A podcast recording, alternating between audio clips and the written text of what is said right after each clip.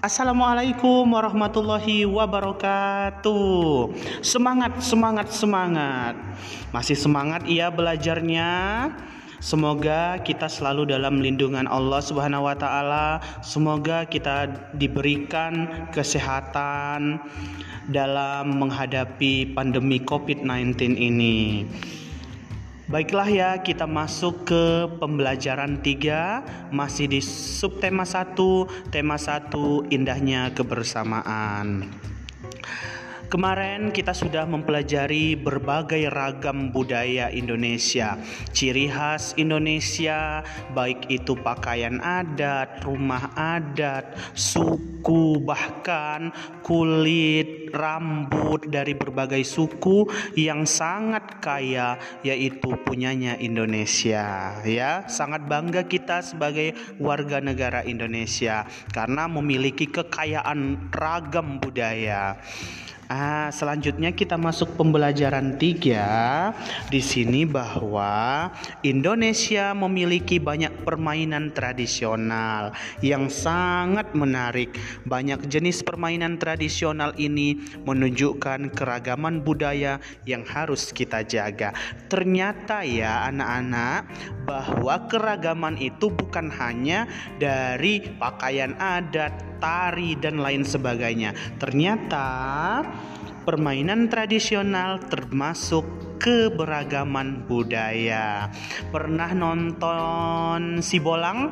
Iya, biasanya di Bolang itu banyak dikenalkan permainan-permainan tradisional. Nah, salah satu permainan permainan tradisional yang ada di buku kita yaitu permainan benteng-bentengan dan gobak sodor. Nah, udah pernah belum dilakukan? Pernah bermain itu belum?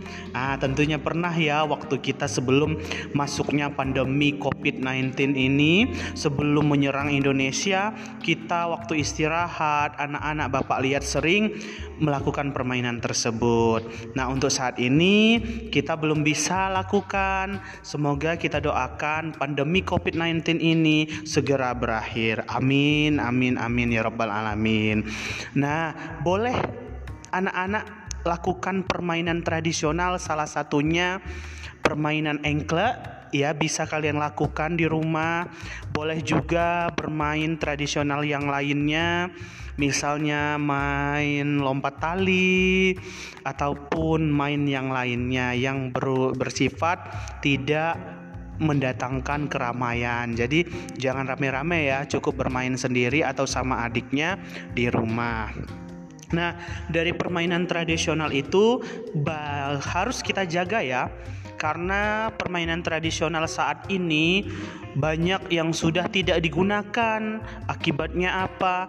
Anak-anak keseringan main gadget, main handphone ya, main HP terlalu banyak. Jadi sebenarnya waktu Bapak dulu itu uh, habis waktu itu karena bermain tradisional, lari-larian, kemudian juga ya banyak sekali ya permainan-permainan zaman dahulu. Nah, sekarang kita lestarikan. Jangan sampai permainan itu hilang. Jangan sampai kita dikalahkan oleh gadget, dikalahkan oleh Android. Kita selalu main HP, game online. Nah, akan merusak mata, akan merusak otak kita juga. Ya, ajaklah adik-adiknya bermain di rumah yang kira-kira tidak menggunakan handphone. Ya, itu adalah keragaman budaya salah satunya permainan tradisional. Nah, sekarang kita akan masuk ke bunyi. Ah, pembelajaran IPA ya. Bunyi yang dihasilkan suatu benda berbeda-beda. Jadi, bunyi itu ada asalnya, yaitu disebut dengan sumber. Bunyi itu ada sumber. Dia tidak akan berbunyi apabila tidak ada sumbernya.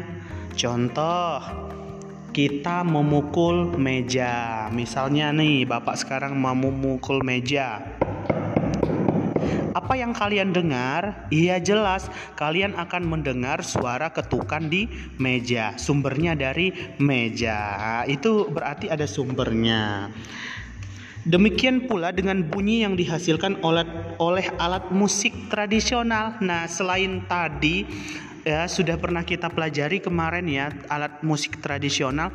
Jadi bunyi itu tidak akan berbunyi ketika tidak ada sumber yang dihasilkan. Nah, jadi bunyi itu terdengar di telinga kita dari hasil sumber bunyi. Jadi kalau ditanya dari manakah sumbernya, nah, kita cari tahu sumber bunyi itu dari mana. Uh, untuk melaksanakan percobaan ada beberapa sifat bunyi. Uh, ada tiga ya anak-anak bahwa sifat bunyi itu ada tiga. Yang pertama, bunyi itu merambat melalui udara. Ah, yang kedua, bunyi itu merambat melalui benda padat. Dan yang ketiga, bunyi merambat melalui benda cair. Masih ingat kan di kelas 3 dulu bahwa ada tiga macam benda. Benda apa saja tiga macamnya? Yang pertama, benda padat, benda cair dan gas. Nah, di sini ternyata sifat bunyi ada tiga, bisa merambat melalui benda gas ataupun udara, bisa merambat melalui benda padat dan bisa juga merambat melalui benda cair. Nah, di halaman 37, 38 dan 39 ada percobaan Ah, silahkan anak lakukan, anak-anak lakukan percobaan satu, percobaan kedua, dan percobaan ketiga. Pak, gimana ya kalau kami nggak ada corong, misalnya yang ada di percobaan ketiga? Boleh kalian tidak harus mencobanya di rumah dengan menggunakan alat-alat itu. Misalnya kalian nonton dari YouTube boleh atau cari-cari dari Google boleh juga. Nah, yang penting kalian buktikan bahwa benar loh benda padat itu bisa eh bunyi itu bisa merambat dari benda cair, padat ataupun gas ya. Setelah kalian membuat eh, melakukan percobaan atau melihat melihat. Ya, jadi kalau kalian tidak bisa melakukannya, alatnya terbatas, kalian boleh juga menonton percobaan itu. Misalnya kalian cari nih di YouTube bahwa benda itu merambat melalui benda gas, cair ataupun padat. Nah, setelah kalian lakukan percobaan atau kalian melihat menonton percobaan, maka buatlah laporan. Nah, buat kesimpulan apa yang kalian sudah tonton. Ya, paham ya?